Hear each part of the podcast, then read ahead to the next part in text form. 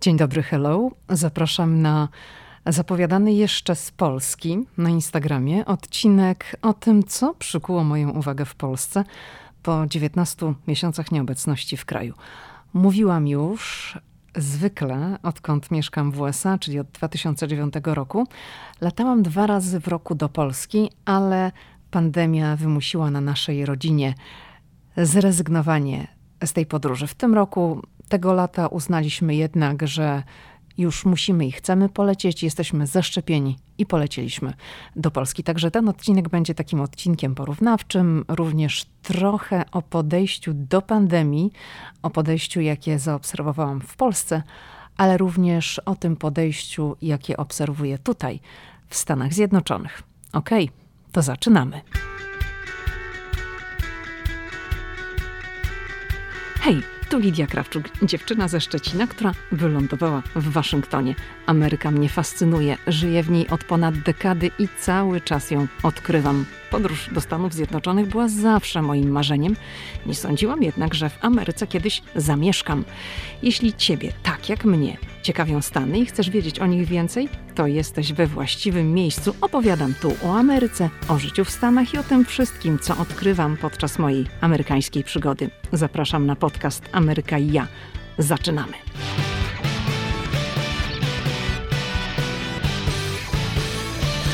Na początku chciałabym oczywiście jeszcze bardzo podziękować za wszystkie nowe recenzje w Apple Podcast, za pięć gwiazdek i tyle miłych słów na temat mojego podcastu.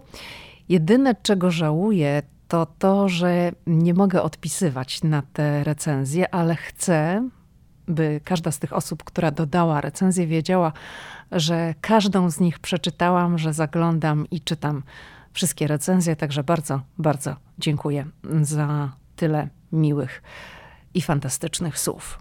Dobrze, to chciałabym mm, na początek zacząć od samego lotu dlatego że ten lot odbywał się w pandemii i to wszystko się przekłada, jak funkcjonuje lotnisko. I od razu już tutaj zauważyłam różnicę na polu Stany Zjednoczone i Europa. Ja wylatywałam z Dallas International Airport. To jest lotnisko, które jest e, zlokalizowane w stanie Virginia pod Waszyngtonem i to jest to międzynarodowe lotnisko, które obsługuje ruch samolotów międzynarodowych przybywających no, z Europy czy z innych części świata. To znaczy loty krajowe też tutaj się odbywają, ale to jest to lotnisko międzynarodowe i tutaj odbywa się sprawdzanie dokumentów wszystkich osób przybywających e, spoza granic Stanów Zjednoczonych. I pierwsza rzecz, jaka mnie uderzyła, to kwestia masek. Otóż w Stanach Zjednoczonych nie ma znaczenia tak naprawdę na lotnisku, jaką nosisz maskę. Może to być maska bawełniana, może to być maska chirurgiczna, może to być maska z filtrem, no jaką tam sobie chcesz.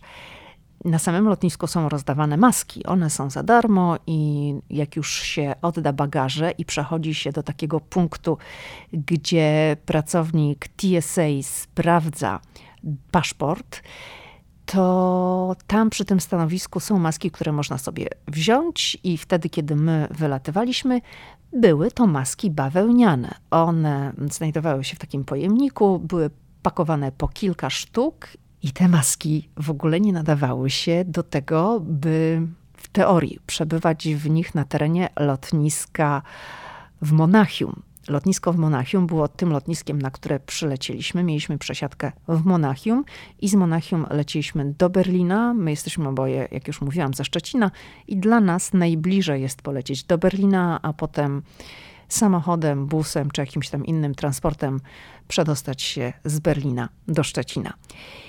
W Niemczech na lotniskach takie maski nie są akceptowane.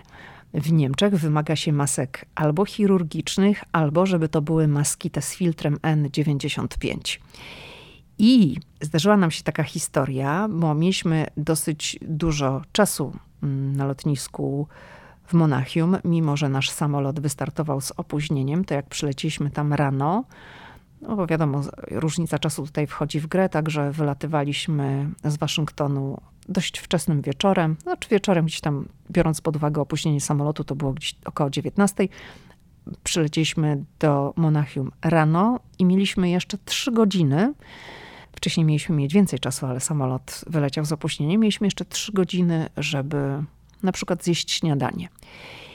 I chcieliśmy wejść do jednej z restauracji na terenie terminalu lotniska w Monachium. I my weszliśmy z samolotu w tych maskach bawełnianych. Ja nie będę ukrywała, że w masce bawełnianej lepiej mi się oddycha, zwłaszcza jeżeli to jest bardzo długi lot, kilkugodzinny, tak jak tutaj spędziliśmy 7 godzin w samolocie. I ja korzystam z tej maski, którą wzięłam na lotnisku, ponieważ wymieniałam ją w międzyczasie, to był przecież długi lot, i ta maska była bawełniana i była biała. I chcieliśmy wejść do restauracji, bo jak się wchodzi do restauracji, to po zajęciu miejsca przy stoliku maska jest przecież zdejmowana, bo jak jemy, no to maski nie mamy na sobie. I proszę sobie wyobrazić, że do jednej z restauracji nas nie wpuszczono, bo powiedziano, że my mamy takie maski, mimo że po przekroczeniu progu tej restauracji tę maskę się ściąga. Więc poszliśmy do kolejnej i w kolejnej to już nikomu nie przeszkadzało, jakie my mamy maski. Po prostu pani nas zaprowadziła do stolika i tam ściągnęliśmy maski, ponieważ nikt na terenie restauracji nie siedział w masce. I to był dla mnie taki, no trochę paradoks, dlatego że te restauracje znajdowały się na terenach terminalu. One nie były w jakiś sposób wygrodzone, czyli na przykład przeszklone, czy oddzielone jakąś ścianą. Także ludzie, którzy przechodzili obok, chodzili w maskach, ludzie, którzy siedzieli za taką, no powiedzmy, takim odgrodzeniem, ale to wygrodzenie miało wysokość tam półtora metra na przykład, tak? Także było widać, kto tam chodzi obok i w tym samym pomieszczeniu znajdowali się ludzie w maskach i ludzie bez masek, a jednak ktoś się tam upierał, że to ma być maska taka, a nie inna. No tutaj to troszeczkę nie ma sensu w momencie, kiedy tak dużej ilości osób pozwalało się jeść przecież bez masek. No trudno, żeby jeść w masce, ale chcę tutaj jakby uwypuklić ten fakt z jednej strony wymagania jakiejś tam maski, a z drugiej strony w ogóle jej nie trzeba mieć, jak się siedzi w restauracji. I bardzo dużo ludzi po prostu przesiaduje w tych restauracjach po to tylko, żeby nie musieć nosić maski. I z drugiej strony, jak kręciliśmy się tam jeszcze po terminalu w Niemczech, w Monachium, to już nikt nam nie zwracał uwagi. My mieliśmy takie maski, a nie inne. My mieliśmy bawełniane maski, dlatego że w Stanach Zjednoczonych nie ma wymogu konkretnej maski, jaką się zakłada. Ma być maska. I my w takich maskach wsiedliśmy do samolotu. Nawet nie mieliśmy innych, mówiąc szczerze no bo nie było takiej potrzeby. I zwróciliśmy uwagę na to, że właśnie jak się gdzieś tam mieszali ci pasażerowie z ruchu międzynarodowego, no to mieli takie różne maski, bo wysiadali z samolotów tam, gdzie nie obowiązywała ta zasada, że to ma być maska chirurgiczna albo N95. Zostanę jeszcze przy temacie pandemii, żeby tak nie skakać, i temacie masek, dlatego że sposób noszenia maski w Polsce a może powiem sposób noszenia maski w Szczecinie, bo spędziłam ten cały czas w Szczecinie, w moim rodzinnym mieście. Natomiast myślę, że to nie dotyczy tylko Szczecina, bo wspomniałam bardzo krótko na ten temat na Instagramie i odezwało się do mnie dużo osób, że to nie jest tylko tak w Szczecinie, że to jest w ogóle wszędzie w całej Polsce. Czyli to, co zwróciło moją uwagę, to noszenie masek w taki sposób, że nosy są na wierzchu, a często cała maska jest w ogóle na brodzie i nos i usta są na wierzchu, ale to są już takie ekstremalne przypadki. Natomiast bardzo wiele osób nosi maskę, także zakrywa tylko usta, a nosa nie, co w tym momencie jest, stoi w sprzeczności z ideą noszenia maski, bo maskę nosimy po to, żeby zasłonić i nos, i usta. I ja powiem tak. W Stanach Zjednoczonych jest większa dyscyplina, jeżeli chodzi o to, w jaki sposób tę maskę się nosi. Ja nie chcę powiedzieć tego, że wszyscy w Stanach Zjednoczonych noszą maski, bo to jest nieprawda. Maska to jest taki temat, powiedziałabym, podlegający pod kategorię tematu politycznego, i w, w wielu przypadkach to, czy ktoś nosi maskę, czy nie, wynika również z sympatii politycznych. I teraz demokraci są u władzy, i elektorat demokratyczny w Stanach Zjednoczonych jest bardziej zdyscyplinowany w tej kwestii. I wyborcy demokratyczni chętniej noszą maski. Nie mówię, że wyborcy republikańscy masek nie noszą. To byłaby nieprawda, ale część osób, które mają właśnie takie poglądy republikańskie i są otwartymi zwolennikami partii republikańskiej, masek nie noszą i kwestionują pandemię, kwestionują szczepienia i te wszystkie zalecenia. Tutaj w Waszyngtonie i w tej metropolii waszyngtońskiej, to jak widzę ludzi, którzy noszą maski, a w tej chwili bardzo dużo ludzi nosi maski. I oczywiście, jeżeli chodzi o sklepy, pomieszczenia zamknięte, to praktycznie w Waszyngtonie każdy jest w masce. Na zewnątrz nie, ale też sporo osób, tam gdzie można spodziewać się takiego większego zagęszczenia ludzi, to część osób zakłada maski. I nagrywam ten odcinek w momencie, gdy prezydent Stanów Zjednoczonych Joe Biden zapowiedział, że każdy pracownik federalny będzie musiał być zaszczepiony. Kim jest pracownik federalny? To tylko tak krótko powiem, że to jest człowiek, który jest zatrudniony w rządowej instytucji, w agencji. I oczywiście nie mówimy tutaj tylko i wyłącznie o ludziach pracujących w Waszyngtonie. Takie instytucje, takie urzędy federalne są w całej Ameryce, także te wszystkie osoby, które pracują dla agencji federalnych, albo się zaszczepią, albo będą musiały sobie poszukać nowej pracy. No to jest takie pierwsze bardzo twarde stanowisko. Joe Biden podpisał właśnie rozporządzenie w tej sprawie i teraz pracownicy federalni będą mieli gdzieś około dwóch i pół miesiąca na zaszczepienie się. Ale to nie dotyczy wyłącznie pracowników federalnych. Otóż wszystkie firmy, które zatrudniają 100 lub więcej pracowników, muszą zapewnić, iż każdy pracownik jest zaszczepiony na COVID-19 albo poddawany jest cotygodniowym testom na koronawirusa. I teraz tak powiem oczywiście retorycznie, bo nikt, kto słucha, nie będzie mógł odpowiedzieć, ale możemy sobie oczywiście wszyscy w myślach odpowiedzieć, czy ktoś tu wierzy, iż pracodawcy będą chcieli brać to na siebie. Przecież wiadomo, że te testy generują koszty i kto za to będzie płacił. Także to jest taki sposób do tego, żeby wymusić na pracodawcach tych firm, które zatrudniają powyżej 100 osób, by zmuszali ludzi do szczepień. To samo jest, będzie z nauczycielami, z pracownikami służby zdrowia. Ci wszyscy ludzie będą musieli się zaszczepić. Stany Zjednoczone po prostu w ten sposób chcą walczyć z pandemią. Joe Biden powiedział dosyć, że ci ludzie, którzy nie chcą się szczepić, że właśnie przez te osoby Stany Zjednoczone nie mogą wyjść z pandemii. Jakie miałam wrażenie w Polsce? Może powiem tak jak byłam w ogólniaku i miałam te naście lat, to za moich czasów wtedy, jak byłam w ogólniaku, to w tej naszej tam grupie znajomych mówiło się tak, że e, zasady są po to, żeby je łamać. Nie? Haha. Dziś uważam, że, tylko że jestem starsza, już dużo. I dziś uważam, że bez zasad, bez przestrzegania reguł, Niczego nie da się trwale zbudować, nie da się funkcjonować w społeczeństwie, jeśli nie stosuje się do zasad. I w przypadku noszenia masek w Polsce no miałam wielokrotnie takie wrażenie, iż przyświecał taki cytat z Okulniaka, że zasady są po to, żeby je łamać. No bo teoretycznie w Polsce są zasady, które mówią, że należy nosić maskę przy wejściu do wielu marketów, gdzieś tam sklepów jest kartka z informacją, że należy założyć maskę, ale ludzie się nie stosują do tych zasad. I chcę podkreślić, że ja nie uogólniam tutaj, że wszyscy się tak zachowują, bo byłaby to nieprawda. Tak nie jest, ale bardzo wiele osób raz albo w ogóle nie nosi, albo nosi właśnie na brodzie, czy ma zasłonięte tylko usta na zasadzie, a odczepcie się ode mnie. Mam maskę? Mam. A że na brodzie? No, no to moja sprawa, nie?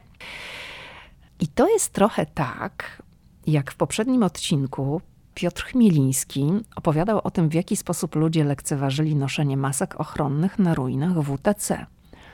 On też mieli maski, no ale gdzie były te maski? No Piotr mówił, że na karku, na szyi i wiemy, ile z tych osób przypłaciło to lekceważenie zaleceń przypłaciło zdrowiem i życiem. I jeszcze jedna rzecz mi się tu nasuwa z tego poprzedniego odcinka. Otóż Piotr mówił, iż w pierwszych tygodniach nie było kontroli nad tym, by ludzie się zabezpieczali, by zakładali maski do pracy w pyle, że on i jego pracownicy nosili te maski, żeby dać przykład. Czy ja wielokrotnie widziałam, iż szczególnie w sklepach, w punktach usługowych, w Polsce mówię, tego przykładu nie było. Pracownicy tych firm też masek nie nosili. Owszem, w centrach handlowych były komunikaty płynące z głośników, by pamiętać o maskach, o myciu rąk, o dezynfekcji. Były punkty z dozownikami do dezynfekcji rąk, no ale nikt tego nie egzekwował. Także to są takie moje przemyślenia na temat pandemii, na temat masek. Oczywiście nie możemy porównywać skali w Stanach Zjednoczonych i w Polsce, bo wtedy, kiedy ja byłam w Polsce, ta ilość zakażeń wcale nie była jakoś e, bardzo zła. Natomiast mówię to w tym kontekście, że iż były prośby, kartki gdzieś tam, to wiele osób się do tego nie stosowało. Dobrze, to kolejna rzecz i ta kolejna rzecz też od razu zwróciła moją uwagę nie pierwszy raz zresztą, ale ona mnie uderzyła szczególnie, dlatego że 19 miesięcy nie byłam w Europie. To było to, na jaką temperaturę jest ustawiona klimatyzacja.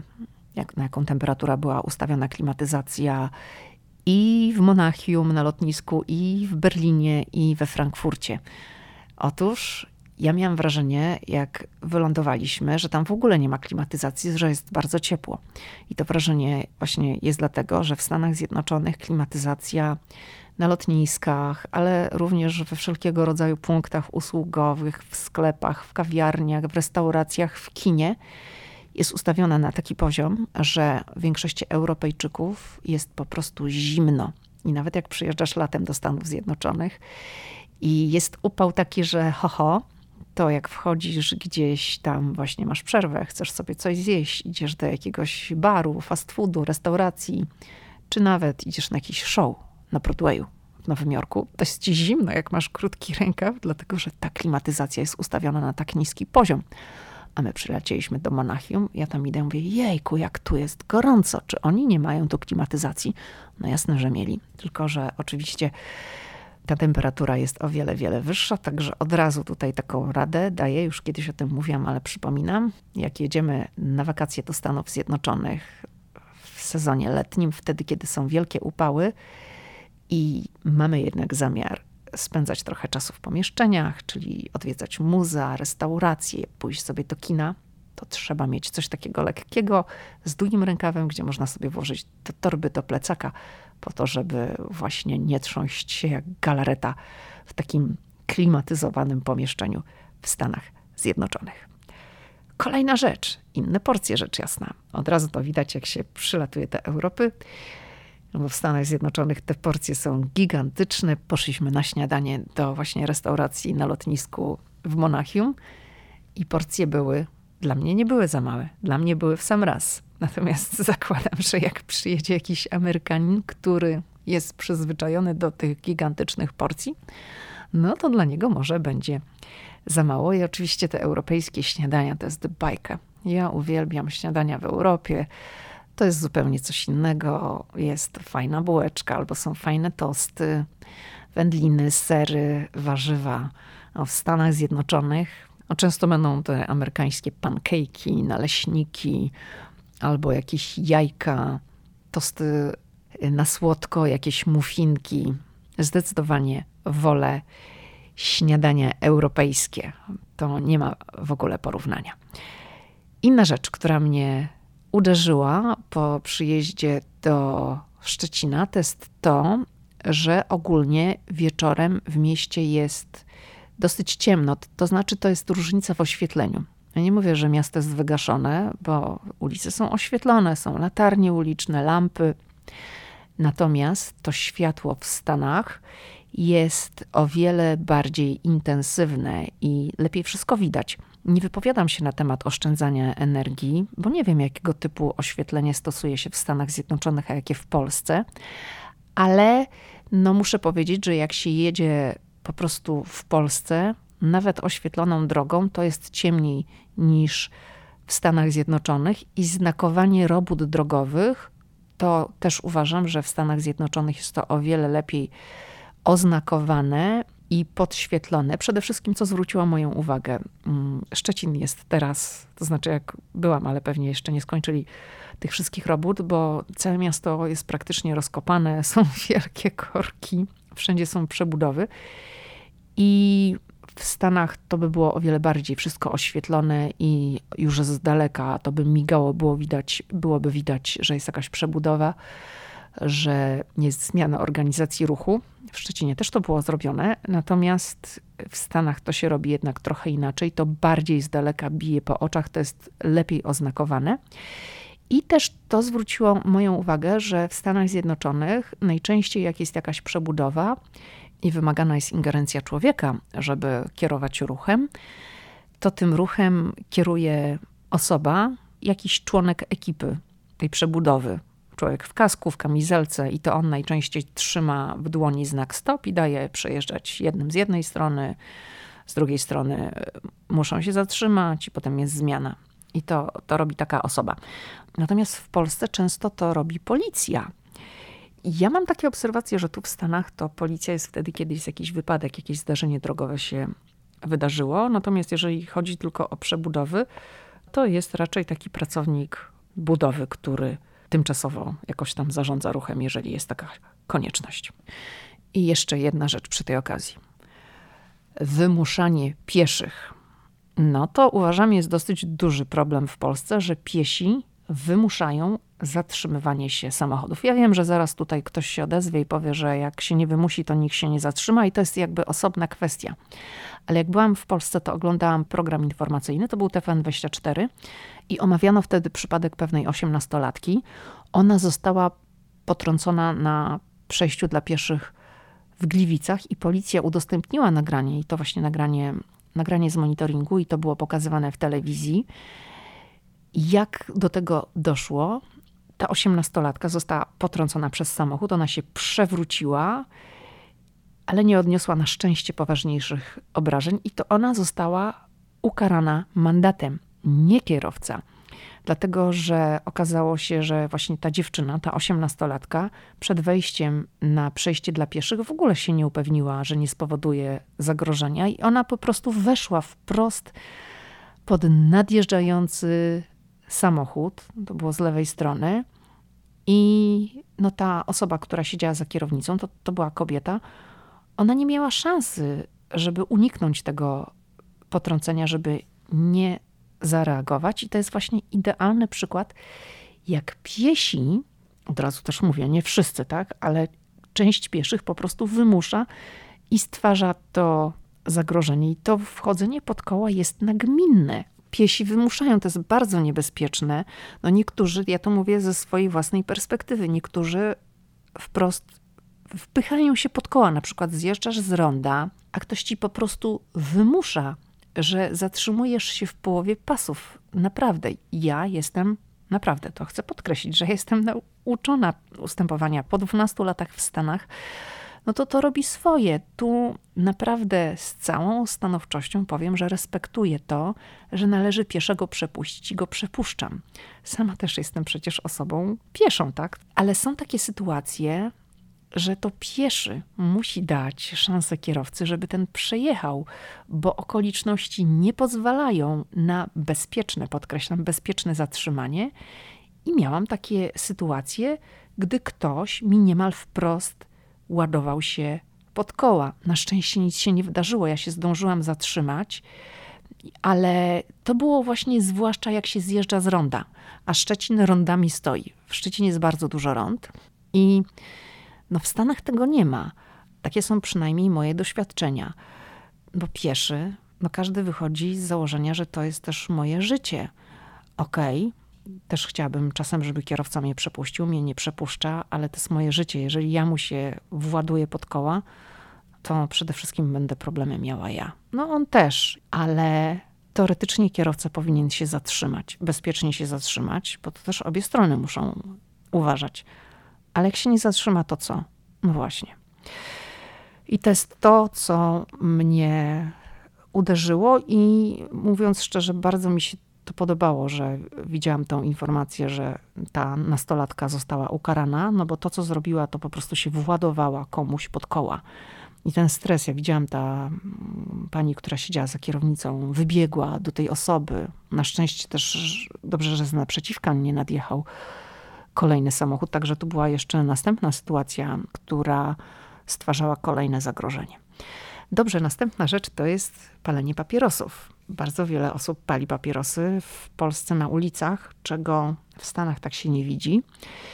I to też zwróciło moją uwagę, że na przykład pod centrami handlowymi, no bo w centrach handlowych, e, no to wiadomo, w Stanach nie można, w Polsce też nie można, nie ma już miejsc wyznaczonych, ale są popielniczki przed centrami handlowymi i to widziałam takie osoby, że wychodzisz i nagle wchodzisz w taki ten zapach papierosów.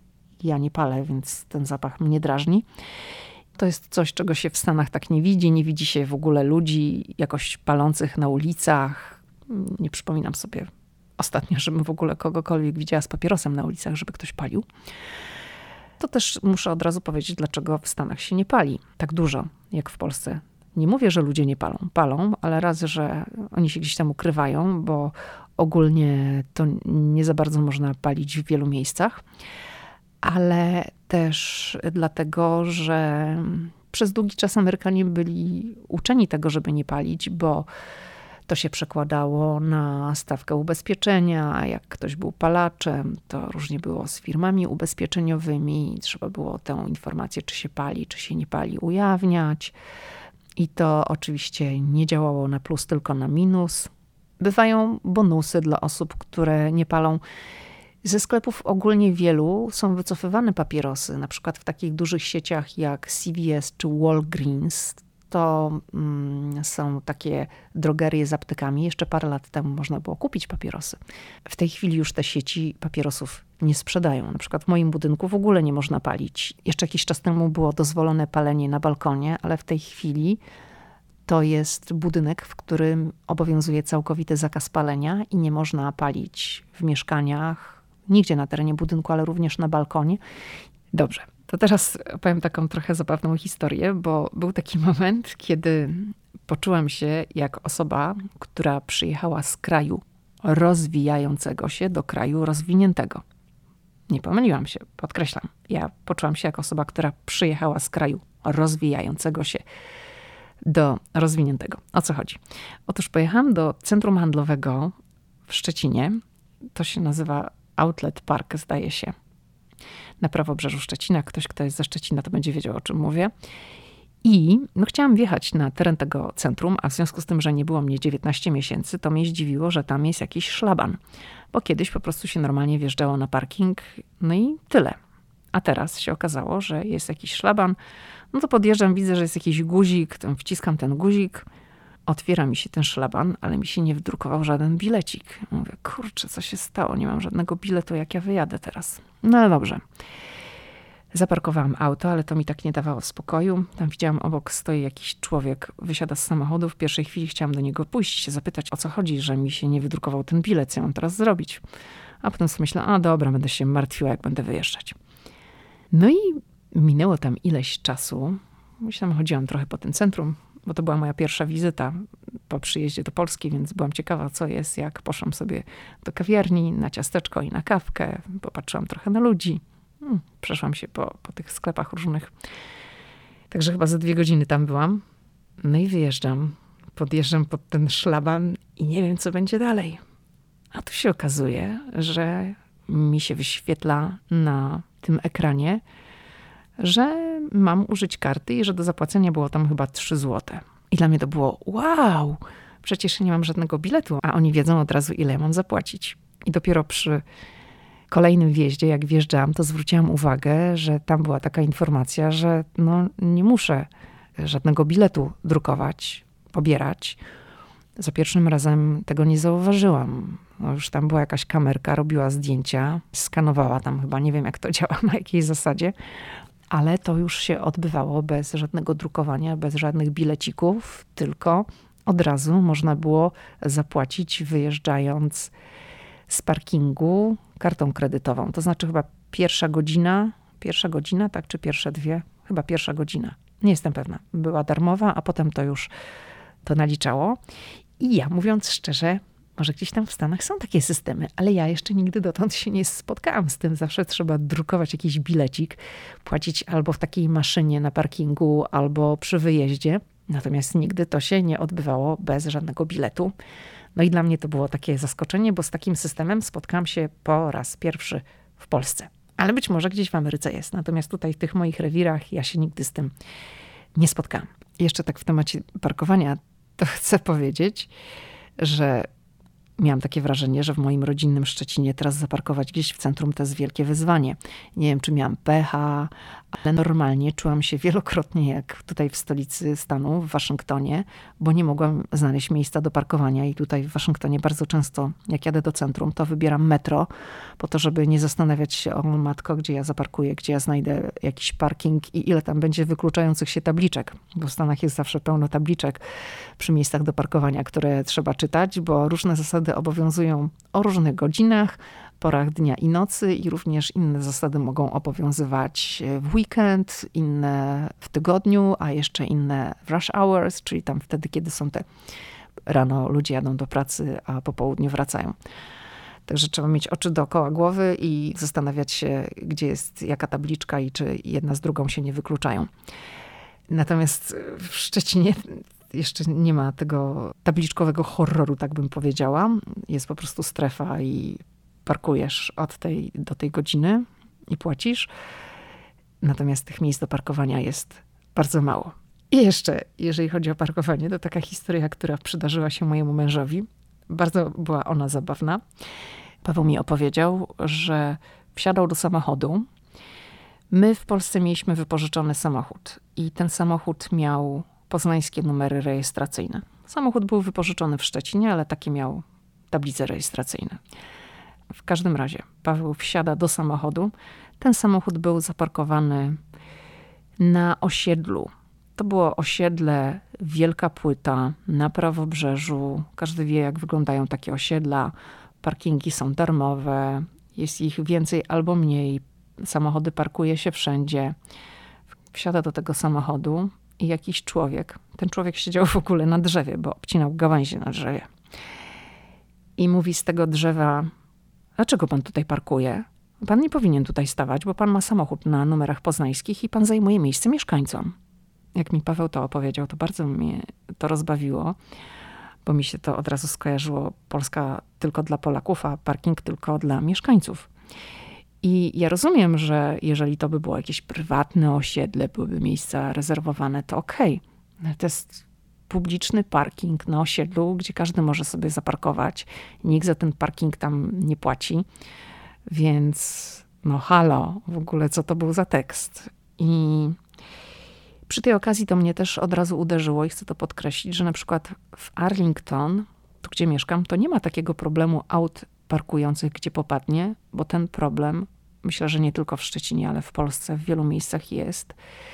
Dlatego, że budynki wielorodzinne, te wieżowce, apartamentowce, to mają praktycznie wszędzie, w większości, może nie wszędzie, ale w większości podziemne garaże i te samochody są po prostu pochowane. No ale to są efekty decyzji, które były podejmowane wiele lat temu na etapie stawiania tych budynków. To jest wszystko po prostu budowane w inny sposób.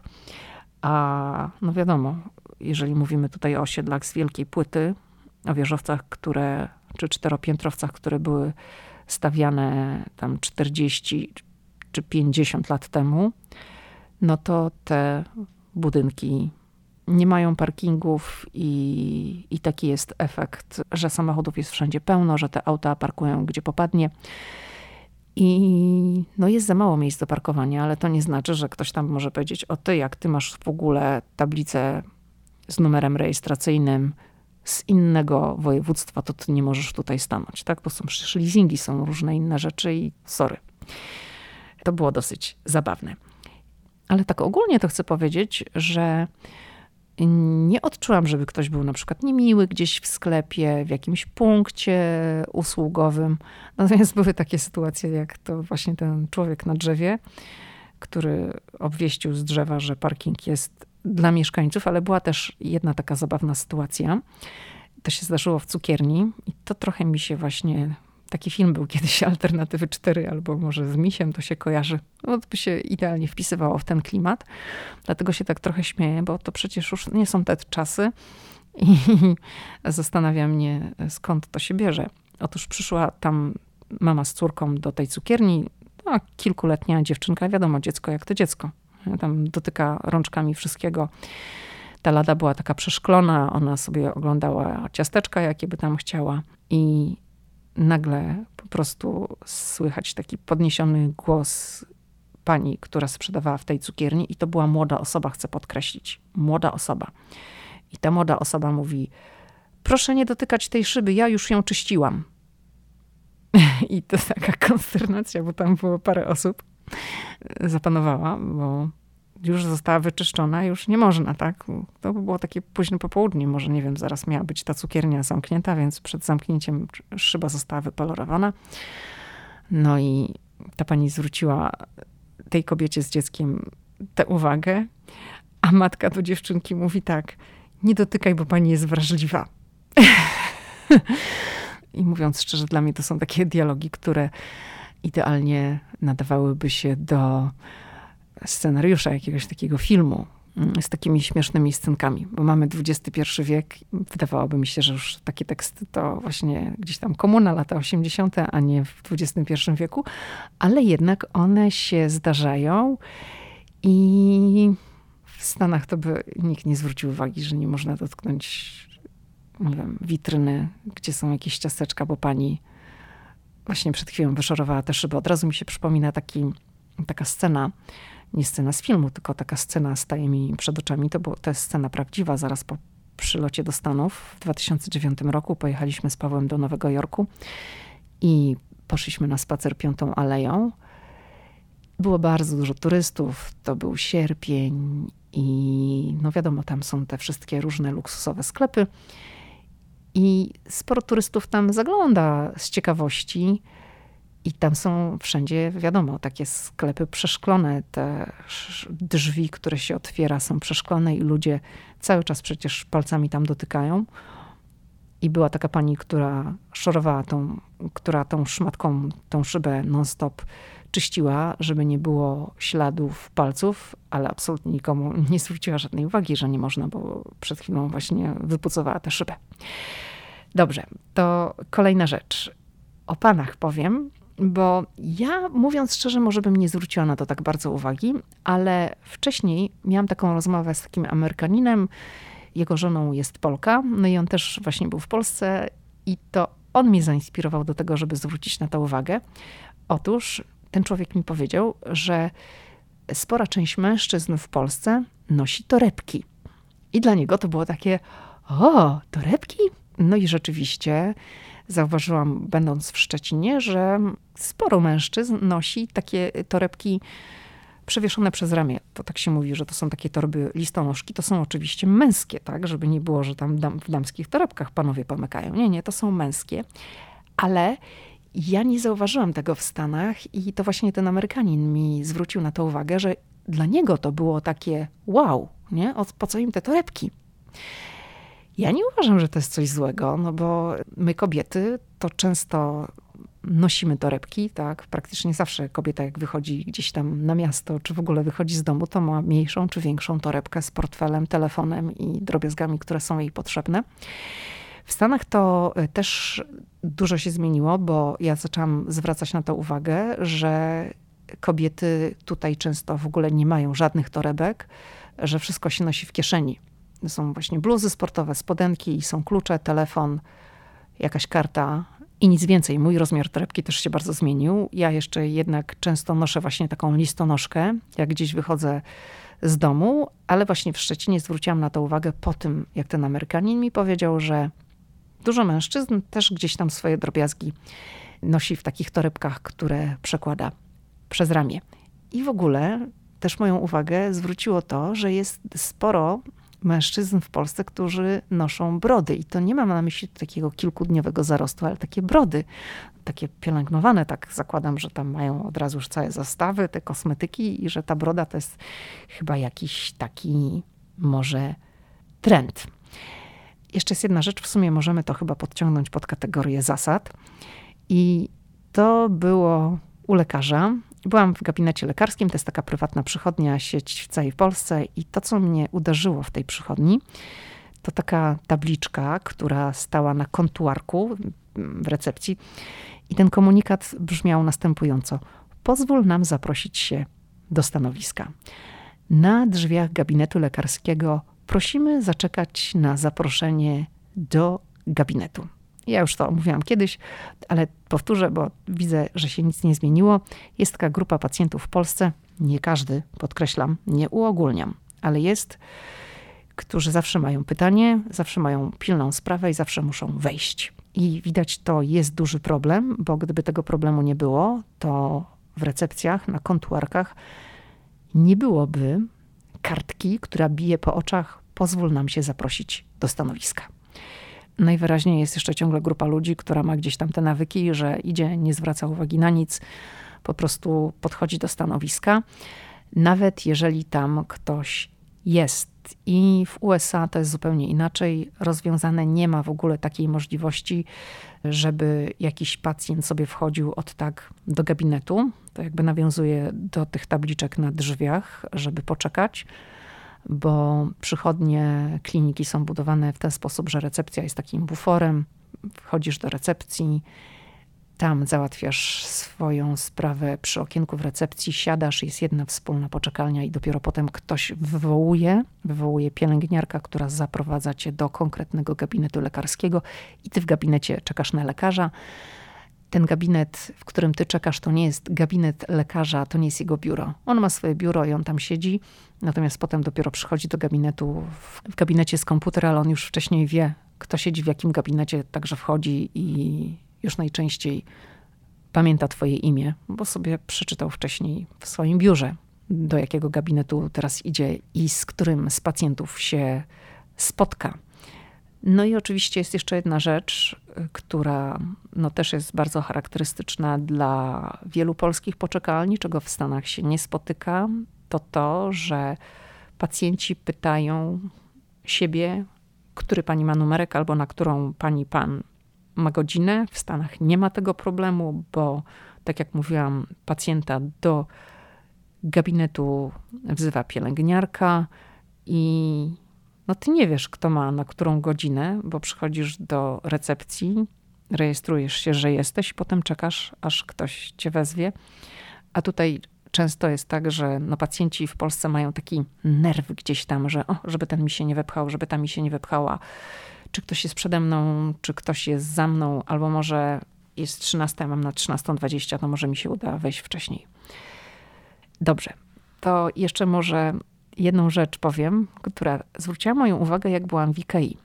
Pojechałam w Szczecinie do Ikei, byłam ciekawa, jak to wygląda w Szczecinie, ponieważ IKEA w Szczecinie działa dopiero od kilku miesięcy. Ja wiem, że w wielu miastach IKEA w Polsce jest od bardzo, bardzo dawna, mm, natomiast w Szczecinie jej nie było.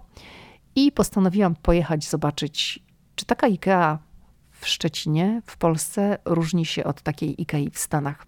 Ja byłam w IKEA w Polsce, w Poznaniu, w Warszawie. Byłam tam jeszcze przed wyjazdem do Stanów, także to było przed 2009 rokiem. Ale teraz zaglądam do IKEA tutaj pod Waszyngtonem i chciałam zobaczyć, czy są jakieś różnice. I to, co zwróciło moją uwagę, to na przykład sposób prezentowania mebli kuchennych. Otóż w Szczecinie było to zorganizowane tak, że było sporo takich pomieszczeń, które imitowały małą kuchnię. One zostały zrobione przy takiej szklanej ścianie, czyli one udawały takie typowe polskie kuchnie w blokach mieszkalnych, czyli no wiemy, że zazwyczaj nie są to duże pomieszczenia i były zaaranżowane w taki sposób, że mogły być inspiracją do urządzenia kuchni w bloku mieszkalnym, tak? Jeżeli ktoś tam sobie kupuje mieszkanie, czy się wprowadza do innego i jakie meble właśnie pasowałyby do takich niewielkich, typowych pomieszczeń kuchennych w blokach w Polsce. W Stanach aranżacje dotyczące kuchni są bardzo duże. I to zwróciło właśnie moją uwagę. Owszem, są w Stanach zestawy małych szafek do niewielkich kuchni, ale proporcjonalnie ilość tych prezentacji, jak zaaranżować wielką kuchnię, jak zaaranżować malutką, to jest zupełnie odwrotnie. Czyli tak jak byłam w Ikei w Szczecinie, to było bardzo dużo tych stanowisk z takimi niewielkimi kuchniami, z propozycjami, jak sobie takie wnętrze urządzić, a stosunkowo niedużo było takich wielkich, a w Stanach było odwrotnie. Meble i dodatki, wiadomo, że to jest wszystko to samo. Te sklepy są organizowane i aranżowane na podobnych zasadach, myślę, na całym świecie. Natomiast tutaj było widać, jak wnętrza są dostosowane do rynku. I jeszcze jedna rzecz, która mnie uderzyła w Szczecinie, bo kupowałam tam jakieś drobiazgi w Ikei w Szczecinie i byłam przy kasie samoobsługowej. I jak już zapłaciłam przy kasie i chciałam wyjść, to była taka bramka. I ja nie wiedziałam, co zrobić. Jakiś człowiek do mnie podszedł i powiedział mi, że ja muszę zeskanować jakiś kod, żeby ta bramka się otworzyła, dopiero zostanę wypuszczona. No w Stanach czegoś takiego nie ma. Nie ma żadnej bramki ze skanowaniem kodu, tylko po prostu zapłacisz, to wychodzisz i już opuszczasz te stanowiska, nie musisz niczego skanować. No dla mnie to było takie zastanawiające, dlaczego w Polsce musi być jeszcze bramka ze skanerem.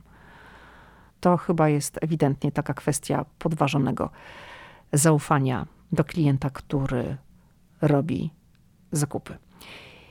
I tak już kończąc, to chciałabym powiedzieć jeszcze o jednej rzeczy, która dotyczy telewizji informacyjnej w Polsce i w Stanach Zjednoczonych. I zdecydowanie w Polsce, w telewizji informacyjnej, można dowiedzieć się o wiele więcej o świecie i również o takich lokalnych, małych problemach. Amerykańskie telewizje informacyjne są skoncentrowane na wydarzeniach z USA, są skoncentrowane na wydarzeniach politycznych i są skoncentrowane, no wiadomo, jak coś się dzieje, są jakieś katastrofy, kataklizmy i tak dalej, to o tym się mówi. Natomiast świata w Stanach Zjednoczonych, w telewizji amerykańskiej informacyjnej jest bardzo mało. To może być świat właśnie, jak jest może jakiś wielki zamach terrorystyczny, albo jak były tutaj wycofywane wojska z Afganistanu, ale to jest sprawa amerykańska, tak? No ale musimy wziąć też pod uwagę, że ten kraj ma o wiele więcej tematów, w związku z tym, że jest taki duży. Przecież powierzchnia Polski to jest mniejsza niż powierzchnia choćby jednego stanu, stanu Teksas. I stąd to się też na pewno bierze. Ale o telewizjach to myślę, że będę musiała zrobić osobny podcast. Mam taki podcast w planach, ale to wymaga ode mnie dosyć sporych przygotowań i pooglądania trochę różnych telewizji, żebym mogła powiedzieć o tym, co się na przykład teraz dzieje. I jak to wszystko na przykład zmieniało się na przestrzeni lat, jak pamiętam telewizję, kiedy przyjechałam, jak jest teraz i jaki jest w ogóle stosunek do telewizji kablowych w Stanach Zjednoczonych. Dobrze. No to to jest tyle, co przygotowałam w dzisiejszym odcinku. Za tydzień będzie odcinek z udziałem gościa. Nie powiem jeszcze kto, bo jeszcze nie jestem pewna, który z tych gości pojawi się, ale na pewno to będzie odcinek z udziałem gościa. W międzyczasie jestem oczywiście na Instagramie. Można wyszukać za pomocą Lidia Krawczuk albo Ameryka i ja. Jest oczywiście też ciągle dostępna nasza książka Ameryka i my. Słyszymy się w następny wtorek. Do usłyszenia.